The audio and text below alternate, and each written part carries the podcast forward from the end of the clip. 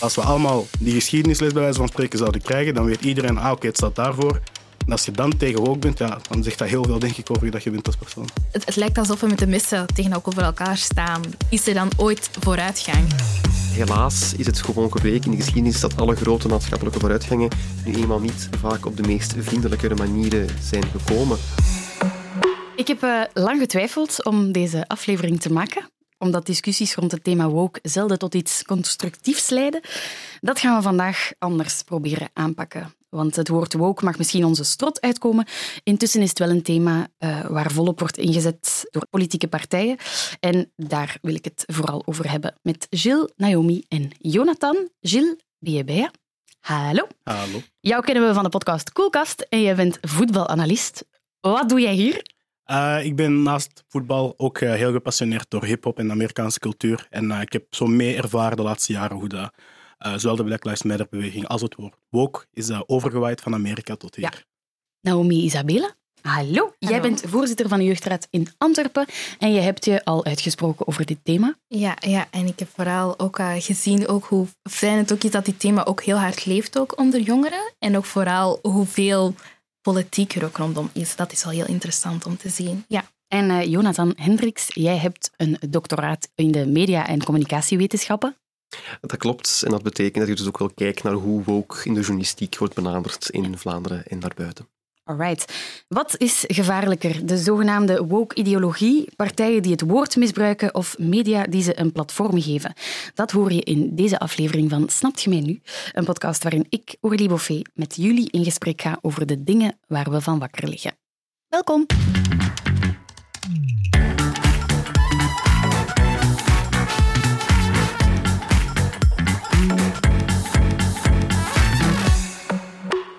Woke, wokers, wokisme, wokisten, allemaal woorden die we de laatste maanden hebben horen vallen.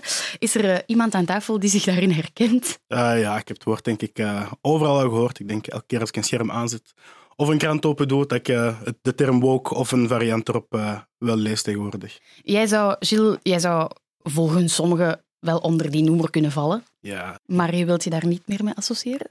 Uh, vroeger zou ik mij daar volledig achter hebben gezet. Mhm. Maar om te zien hoe dat het zo is verdraaid, mede door media en politiek, is eigenlijk een woord waar ik mij veel minder mee associeer. Mhm, mhm. Je zegt dat het verdraaid is. Kan je dat eens uitleggen? In welke zin? Ja, ik ben uh, een heel enorme hip-hop fan. En uh, vroeger was de term woke. Het is eigenlijk begonnen in de jaren 30 in Amerika. Bij een zaak dat heet de Scottsboro Boys. Dat is een heel interessante zaak. Dat gaat over een negental jongens van 12 tot 18. Die zijn veroordeeld voor de verkrachting van twee witte vrouwen. Uh, het bleek achteraf dat ze die niet hebben gedaan. En in een protestlied daarover hebben mensen de term woke gebruikt. Uh, een term die eerder wordt gebruikt door Jamaicaanse activist Marcus Garvey. En die gebruikte woke eigenlijk vooral om te zeggen, word wakker en kijken naar mhm. het politiegeweld dat er is, het, uh, het foutief rechtssysteem waarin zwarte oneerlijk worden behandeld.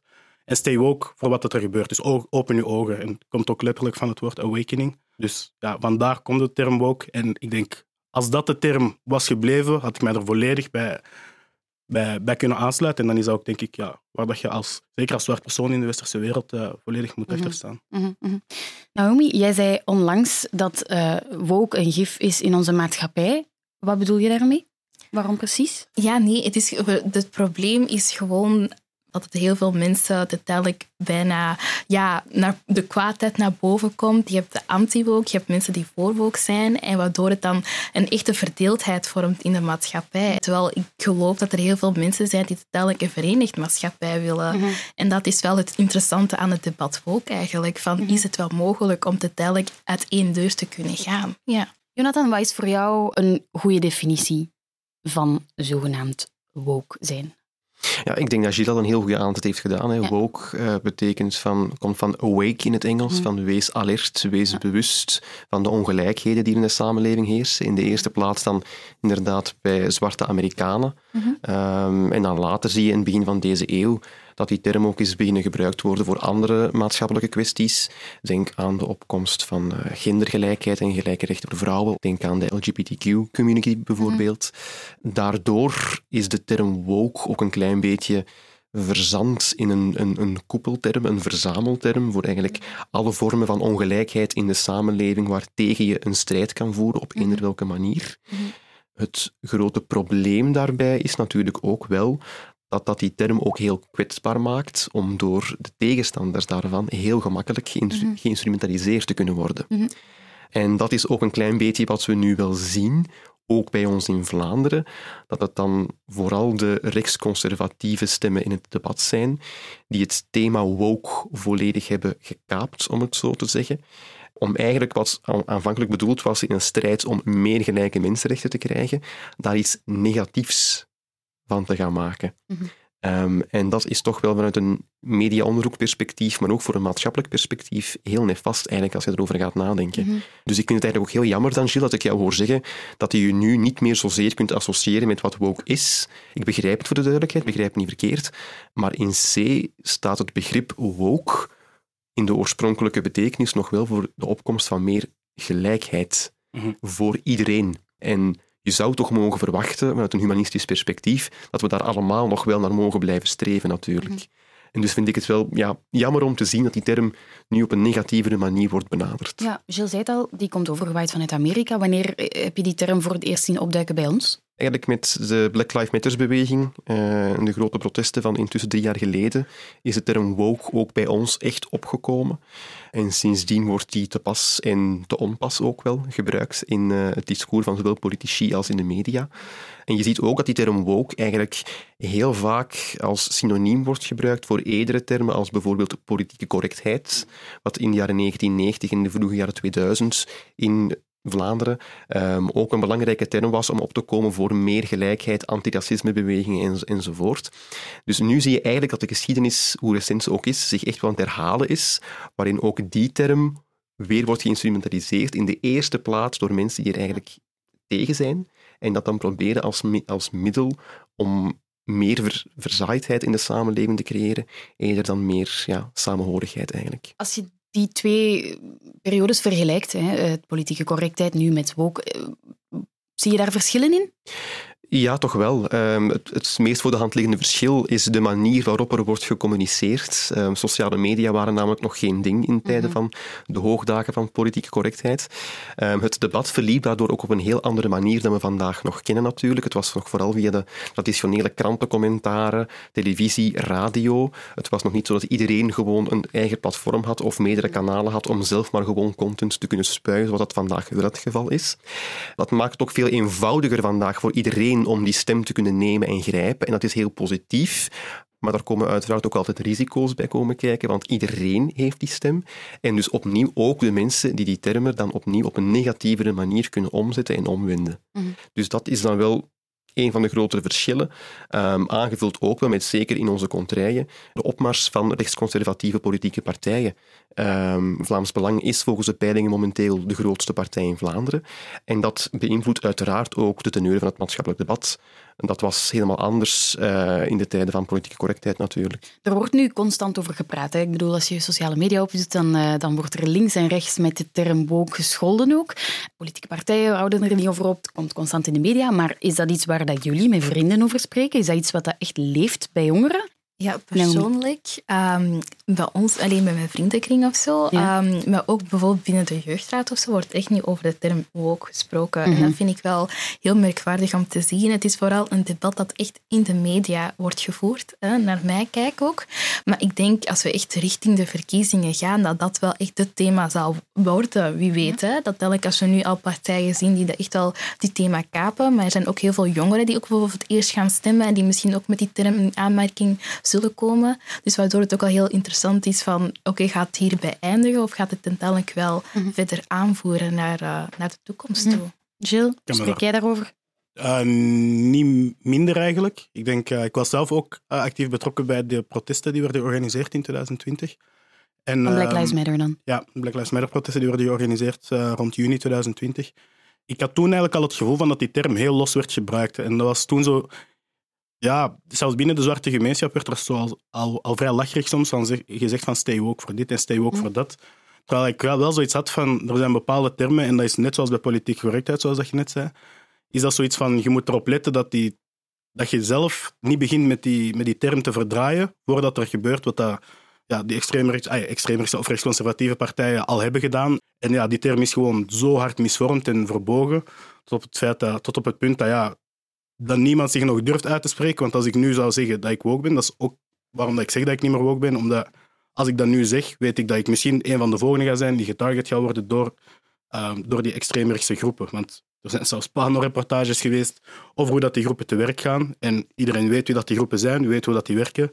En die groepen hebben doelbewust heel veel vrouwen van kleur en van vreemde origines ja, getarget. En dan heb ik zoiets van, als ik mij nu woke noem, terwijl ik dat eigenlijk wel ben in wezen, ja, ben ik eigenlijk gewoon het volgende slachtoffer op die lijst van dat zijn de mensen die we de kopie moeten drukken, want zij zijn een gevaar voor onze ideologie. Mhm.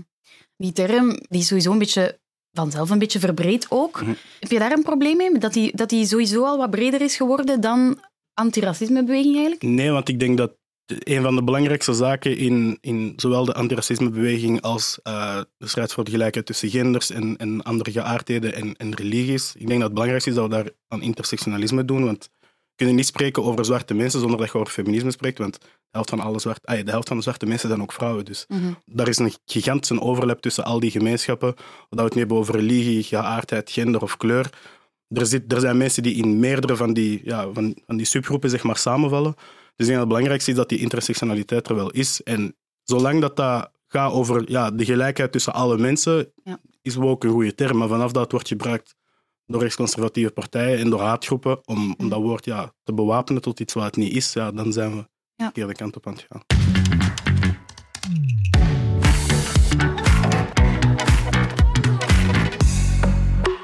We zien in Amerika dat er door, eh, door politici een echte war on woke eh, tussen aanhalingstekens wordt gevoerd. Ook bij ons zijn politici aan een stevige eh, anti-woke-campagne bezig.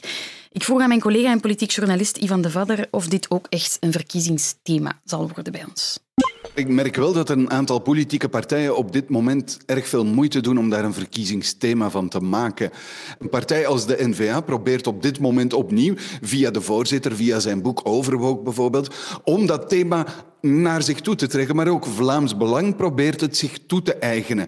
Mocht woke dan inderdaad een verkiezingsthema worden, dan weet je dat wellicht een van die twee partijen ja, dat eigenaarschap kan claimen en dus misschien wellicht ook de verkiezingen zal winnen. En dat is de strijd die op dit moment bezig is, los van het feit of ik weet of dat nu het thema van de verkiezingen 2024 zal worden. Jonathan, eh, ik ga even naar jou kijken. De retoriek hier is nog niet even straf als in Amerika. Daar zijn er echt al concrete wetten ingevoerd in sommige staten. Denk je dat dat bij ons ook zover zal komen?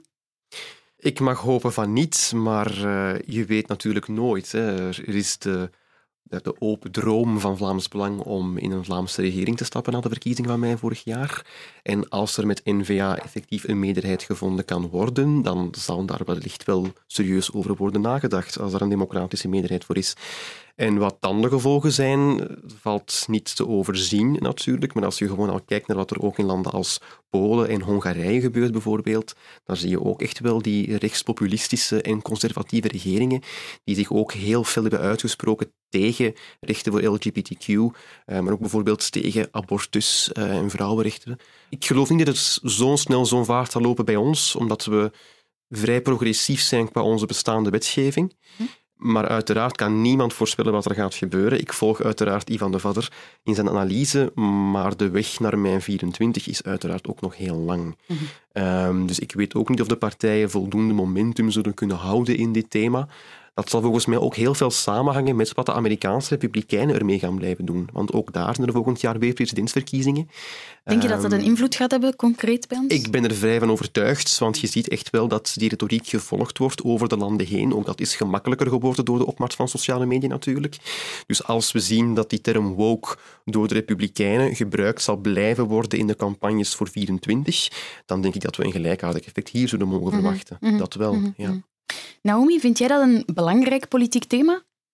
Ja, ik geloof niet dat het echt lang zal volhouden uiteindelijk om ook echt een- naar de stembussen te kunnen gaan en zeggen van ah, deze partij is echt woke, echt bij jongeren. Dus, ah, wel, dus daar ga ik dan uiteindelijk ook eh, het vakje vullen om op die politici te stemmen eigenlijk. Dus je dan denkt denk niet dat dat een, een overtuigend argument zal zijn om voor een Nee, bepaalde partij denk, te ik denk het echt, echt niet bij jongeren. Er, er leven heel veel dingen. Er spelen ook heel veel dingen rondom eh, de jongeren. Die jongeren hebben een andere kijkwereld om hun heen. Dus ik denk van, dat is echt niet het topic waar jongeren echt van eh, elke dag van wakker liggen. En ik denk van, dit is ook een thema dat gekaapt wordt door een oudere generatie ook. Maar uh, ja, ik denk er zijn heel veel 101 um, thema's die op tafel liggen die ook heel belangrijk zijn. En dat voel ik al dat heel hard leeft bij jongeren. Ja. Zouden ze min, minder fuss moeten maken rond woke en zich meer moeten focussen op andere dingen? Ja, er zijn bijvoorbeeld heel grote dingen die spelen rondom uh, leraarstekort bijvoorbeeld, dat jongeren heel erg belangrijk vinden. Klimaat is een voorbeeld. Bijvoorbeeld, ik, ik sprak me ook heel hard uit over de begrotingtekort, dat ook bijvoorbeeld betaald moet worden door jongeren. Laat daar dan ook eens aan gebeuren. En ik denk van, ja, laat dat, dat geen thema zijn die de samenleving echt beheerst. En, maar ik geloof niet dat dat de verkiezingsuitslag zal uh, worden naar de 24 toe. Ja. ja. Mhm. Jill, denk je daar ook zo over? Goh, ik, ik, ik weet het nog niet. Ik moet het bezien. Want als ik, als ik kijk naar hoe dat... Ja, dan trek ik weer de, de parallel naar Amerika. Als je kijkt naar hoe dat, hoe dat Trump heel hard heeft gewonnen en, en met zaken als, als fake news en van die termen gooien, heeft hij heel veel gewonnen aan populariteit. En ik denk dat we niet moeten onderschatten dat er een heel groot publiek is in, in Amerika, maar zeker ook in Europa, dat luistert naar, ja, naar slogans en naar, naar, naar mooie woorden en naar naar mooie termen, bij wijze van spreken. En ehm, ik, denk, ik denk dat dat mede reden is dat bijvoorbeeld Trump president is geweest in Amerika. Maar ik denk dat dat ook uh, een van de redenen zou kunnen zijn, dat, dat, moeten we dan, zal de tijd uitwijzen, dat de rechtse partijen daar ook heel veel op kunnen winnen. Omdat dat ze misschien niet altijd inhoudgericht zijn, maar als je lang genoeg zegt van ja, woke is slecht en woke is dit en woke is dat, ja, dan gaan mensen dat geloven aan de tijd. De mensen die daar uh, die, die, die, die, strijd aangaan, hebben natuurlijk de vinger gelegd op een, een, gevoel dat leeft bij heel veel mensen van ik mag niets meer zeggen mhm. en mensen gaan mij afmaken als ik mij uitspreek over iets. Uh, en de agressie waarmee dat, dat soms gebeurt. Valt daar iets voor te zeggen? Ja, ik denk, ik denk dat dat een heel gemakzuchtig uh, argument is vaak. Het, ik mag niks meer zeggen, want als je kijkt naar cultuur en hoe dat cultuur is veranderd in Vlaanderen, niet alleen de laatste 20 jaar, maar de laatste ja, 100, 200 jaar, het is altijd al veranderd. En er zijn altijd al ja, veranderingen geweest, of het nu gaat om rechten voor vrouwen, rechten voor allochtonen, stemrechten, al die zaken. Dat is altijd al opgeschoven naar een richting een, een diversere maatschappij, een inclusievere maatschappij. Dus ik denk, als we daar naar kijken, is het logisch dat je niet meer kunt doen wat je 50 jaar geleden zou kunnen doen. Omdat ja, toen was dat misschien de norm, terwijl dat ja, dat mensen daar niet gediend mee waren. Of we het nu hebben over bepaalde woorden zeggen of over bepaalde mensen categoriseren. Dat kon misschien vroeger de norm zijn en mensen spraken zich daar niet tegen uit. Maar nu, als er iemand iets tegen mij zegt, ga ik altijd zeggen wat mijn mening is daarover. En dan gaat iemand misschien zeggen, ah, ik mag niks meer zeggen. Maar eigenlijk had je in het begin al niet het recht om bepaalde zaken te zeggen, maar je kwam ermee weg omdat je bij een dominantere groep hoorde. Ja, en het is ook heel erg ook te zien ook dat die cancelcultuur dan ook bestaat. Hè. Je, hebt het mhm. je krijgt dan echt een tik als je het duidelijk buiten de lijntjes kleurt of zo van bepaalde twee groepen, ofwel hoor je dan erbij, ofwel hoor je er niet bij en dan krijg je echt een tik. En het is ook vooral, ik noem dat de nieuwe morale gevoeligheid of zo ook. Het is echt moraal en het is ook heel bang om het uiteindelijk uit te spreken, maar hoe mhm. ver zullen we dan uiteindelijk gaan dat niemand zich meer kan uitspreken. En dat is wel jammer. Ik ben het daar niet mee eens. Nee? Niet volledig eens, eerlijk gezegd. Um, ik, ik, denk een heel belangrijke nuance in het debat over je mag tegenwoordig niks meer zeggen, is dat het er in feite op neerkomt dat je nog steeds het recht op vrije meningsuiting hebt, wat gewoon wettelijk is gegarandeerd voor iedereen. Ja, zeker. Uh, met uiteraard enkele grenzen daaraan, zoals de wet voorschrijft. Het grote verschil is gewoon, je krijgt er kritiek op tegenwoordig. Ja. En dat is het grote verschil tegenover vroeger. Ja, dat Doordat het maatschappelijk debat diverser is geworden op allerlei verschillende vlakken, um, zijn gewoon die oude gevestigde denkpatronen niet mhm. zozeer aan diggelen geslagen, maar worden ze wel openlijk bekritiseerd. En dat is voor, en dat moeten we ook gewoon durven benoemen, vooral voor oude witte mannen, nog wel iets nieuws om daarmee geconfronteerd te worden met ook die kritiek op hun denkbeelden. Mhm. Dat betekent niet dat zij niet meer mogen uiten, voor de duidelijkheid, um, maar zij zullen erop worden aangesproken en mhm. worden terechtgewezen als dat van toepassing is. Mhm. En... Ja, je kan niet ontkennen dat sommige mensen het niet zo diplomatisch aanpakken natuurlijk, maar Diplomatie komt van twee kanten mm. natuurlijk. Ja. Als je denkkaders van, inderdaad, zoals Gilles zegt, 50 jaar geleden nog steeds gewoon blijft bewaren, dan ben je ook al niet heel diplomatiek bezig natuurlijk. Nu, uiteraard, in, in een debat moeten alle partijen eh, hoffelijk zijn. Ik take, it takes two to tango, zoals het spreekwoord zegt en zo.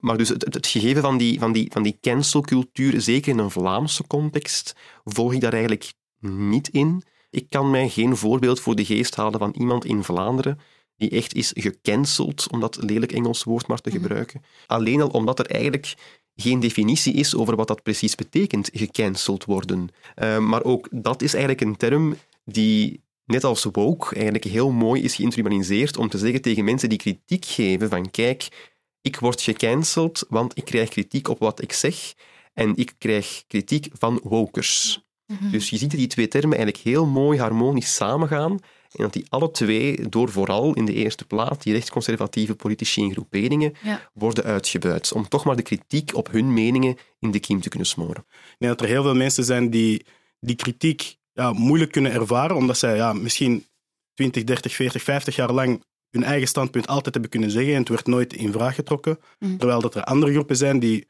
vroeger eigenlijk echt gecanceld werden, die, ja, die nooit recht op spreken hadden en die, ja, nu dat zij wel recht op spreken hebben, wel iets hebben van, wij kunnen er tegen ingaan. En soms gebeurt het inderdaad dat er veel te hard tegen, op, tegen iemand wordt ingegaan, maar ik denk dat dat moet dat een beetje zien als een schip dat, dat is aan het kapseizen. Als het naar links is, zet je al het gewicht op rechts in plaats van al het gewicht op het midden, zodat het ja, een beetje uitbalanceert. Ja. En ik denk dat dat vooral eh, belangrijk is, zoals dat je zelf zegt, Naomi, in het debat dat iedereen moet voeren. Ik denk dat het belangrijk is dat er mensen zijn die, die te veel naar een kant stuwen om, om die balans in evenwicht te houden. Maar ik denk wel dat Mhm. inderdaad iedereen gehoord moet worden, Mhm.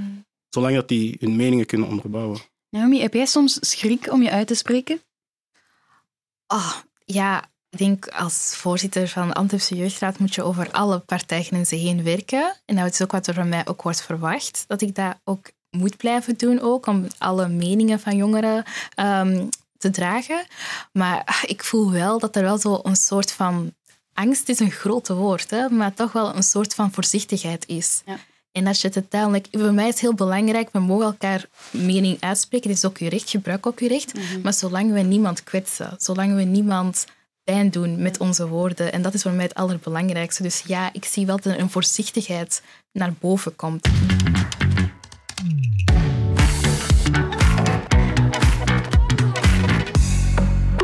Afgelopen dagen las ik het een na het andere opiniestuk eh, dat opriep om over dit onderwerp te zwijgen.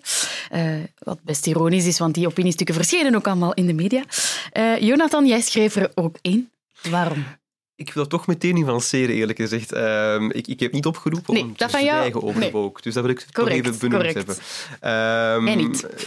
Wat ik in mijn opiniestuk heb geschreven is dat ehm, de term woke wordt gekaapt door rechtsconservatieve partijen en dat ook nieuwsmedia meegaan in die frames daarover.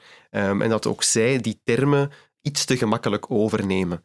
De term woke die bestaat, daar kun je niet omheen. Die heeft een duidelijk afgebakende geschiedenis en oorsprong. Maar dan, het is ook al aangehaald hier vandaag door Gilles Naomi, je ziet dan ook dat tegenwoordig bijna alles onder die groepering woke wordt geduwd. Hè?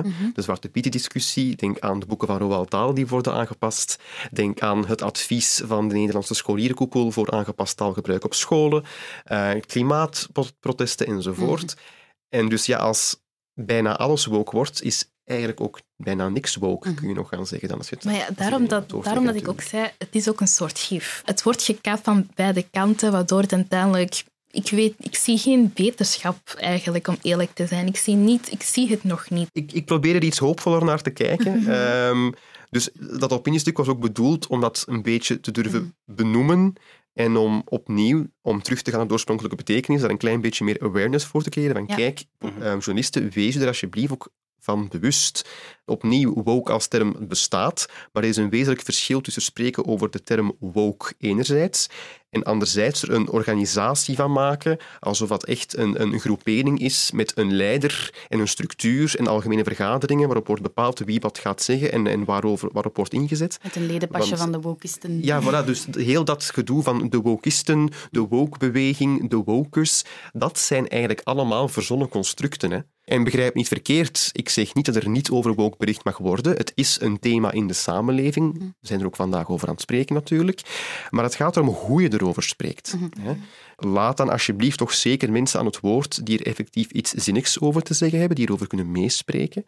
Ehm, en let ook gewoon goed op met de termen die je erover gebruikt en of die wel een grond van waarheid hebben of niet. Ja. En dat ontbreekt momenteel heel erg helaas. Ja, ik denk inderdaad, de kwestie dat we nu alle drie aanhalen, is eigenlijk een beetje hetzelfde wat dat we zeiden. Van, het is die, die, die vrijheid van meningsuiting, maar ook de manier hoe dat je daarmee omgaat. En we hebben het zowel over media als over eh, politieke partijen, als over, eh, over onderwijs ook. Wat is volgens jou dan de beste manier om daarover te berichten? Wat mis jij in de huidige discussies? Eh, ja, de geschiedkundige les vooral daarachter. Geen, eh, als we kijken naar waar het woord van komt, wordt, bestaat al 80, 90 jaar, denk ik, ondertussen. Ja. En Mensen die zeggen er is geen definitie voor, that's wrong. ja, dat is fout, want Ja. het is pas de laatste vijf jaar dat het naar hier is overgewaaid. Maar dat woord had al een betekenis in, in Mhm. de Verenigde Staten in, in 1930, in 1940. Mhm.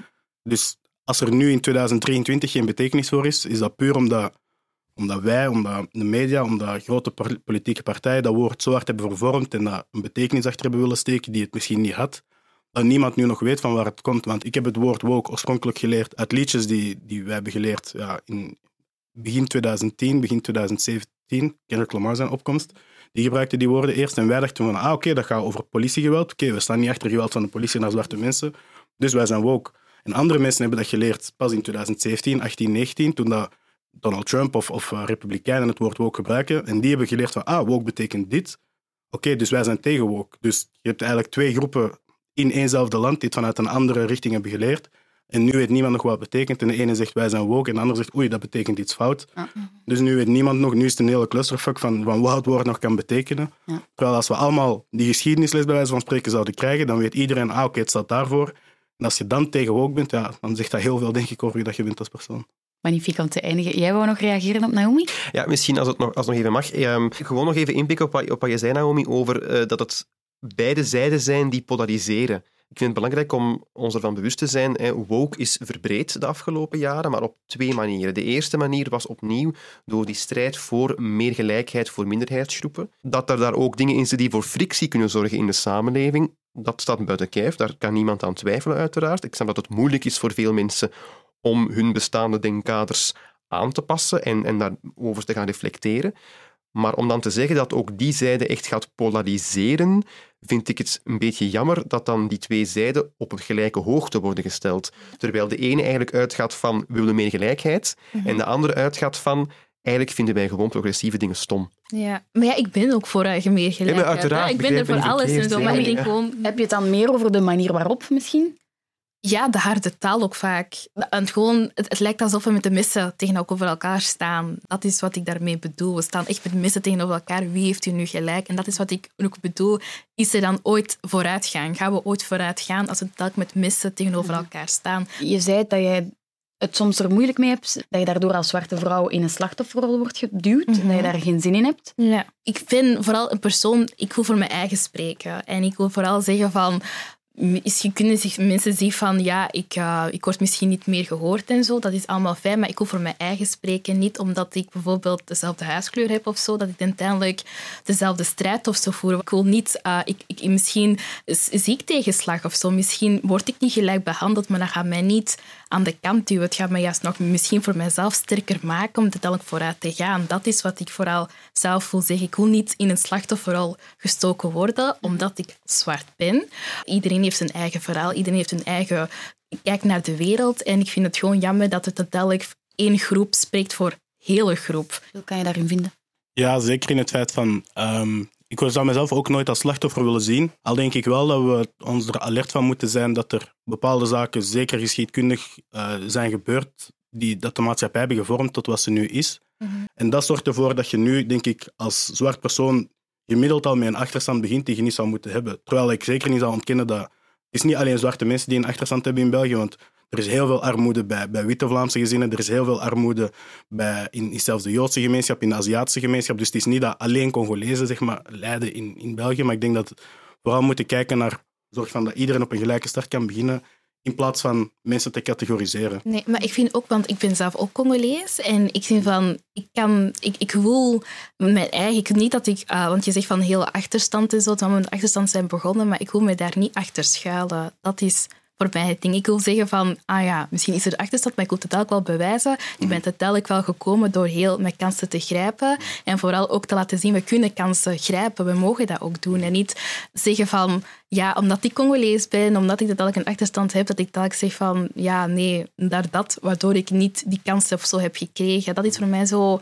dat is dat- een beetje wat mij moeilijk Ja, maakt, en ik snap dat volledig, want ik heb dat, ik heb dat zelf, ik worstel daar ook nog heel hard mee, want ik heb ook zoiets van, uiteindelijk, als ik er heel eerlijk over ben, mijn leven zoals het nu is, is magnifiek. Ja. Maar ik ken heel veel mensen, um, ik ben op Kiel opgegroeid, ik ken heel veel mensen met, met allochtone origines, die dan achterstand hebben waarvan dat ik weet van, als die persoon was geboren bij een gezin waar, dat, waar dat financieel veel meer middelen waren, waar dat iedereen al Nederlands sprak vanaf het begin, waar dat niemand een migratieachtergrond had, dan zouden die veel verder kunnen komen met, met een bepaalde basiskennis. En als we allemaal zouden kunnen beginnen op hetzelfde punt, dan komt iedereen zover als dat hij zelf verdient.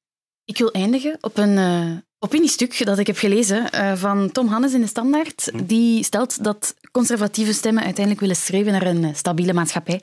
En uh, mensen die nu al dan niet onterecht als woke worden bestempeld, eigenlijk gewoon erkenning willen voor de gevolgen van systemisch racisme in onze maatschappij. En die stelt zich dan ook de vraag, willen we dan niet gewoon allemaal hetzelfde, een vriendelijkere samenleving?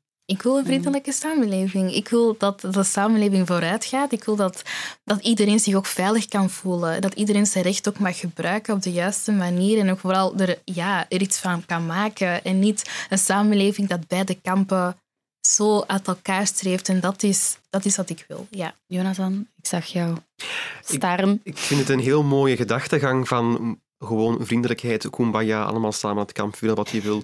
Maar helaas is het gewoon gebleken in de geschiedenis dat alle grote maatschappelijke vooruitgangen nu eenmaal niet vaak op de meest vriendelijkere manieren zijn gekomen.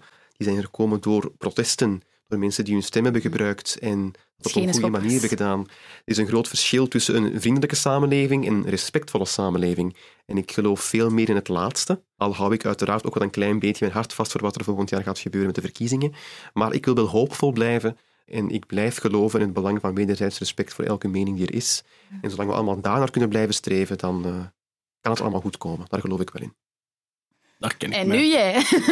ik kan mij daar volledig in vinden. Als er uh, respect is van beide kanten, ik denk dat dat het belangrijkste is. Ik denk als we nu kijken naar bijvoorbeeld deze podcast, is, is een perfect voorbeeld van dat we allemaal vanuit een ander standpunt komen en misschien toch wel allemaal ja, uiteindelijk dezelfde dezelfde ideologie voor ogen hebben als in ja. een gelijke samenleving, toch? Pas op, ik heb jullie ver uit elkaar gezet aan tafel. We zouden zeker niet vechten. ja, nou, wie zou je pakken? Op deze toch positieve noot. We gaan snel afsluiten. Dank je wel. Uh, dank jullie wel uh, om hier te komen zitten aan tafel en om dit toch wel belangrijk gesprek te voeren. Gilles, Naomi en Jonathan, merci. Waar probeer jij jouw vrienden van te overtuigen? Waar lig jij s'nachts van wakker? Stuur me al jouw ideeën door via de Instagram-pagina van VRT Nieuws of stuur me een berichtje op Twitter via Aurélie-Boffé. En misschien ben jij wel te gast in mijn volgende aflevering.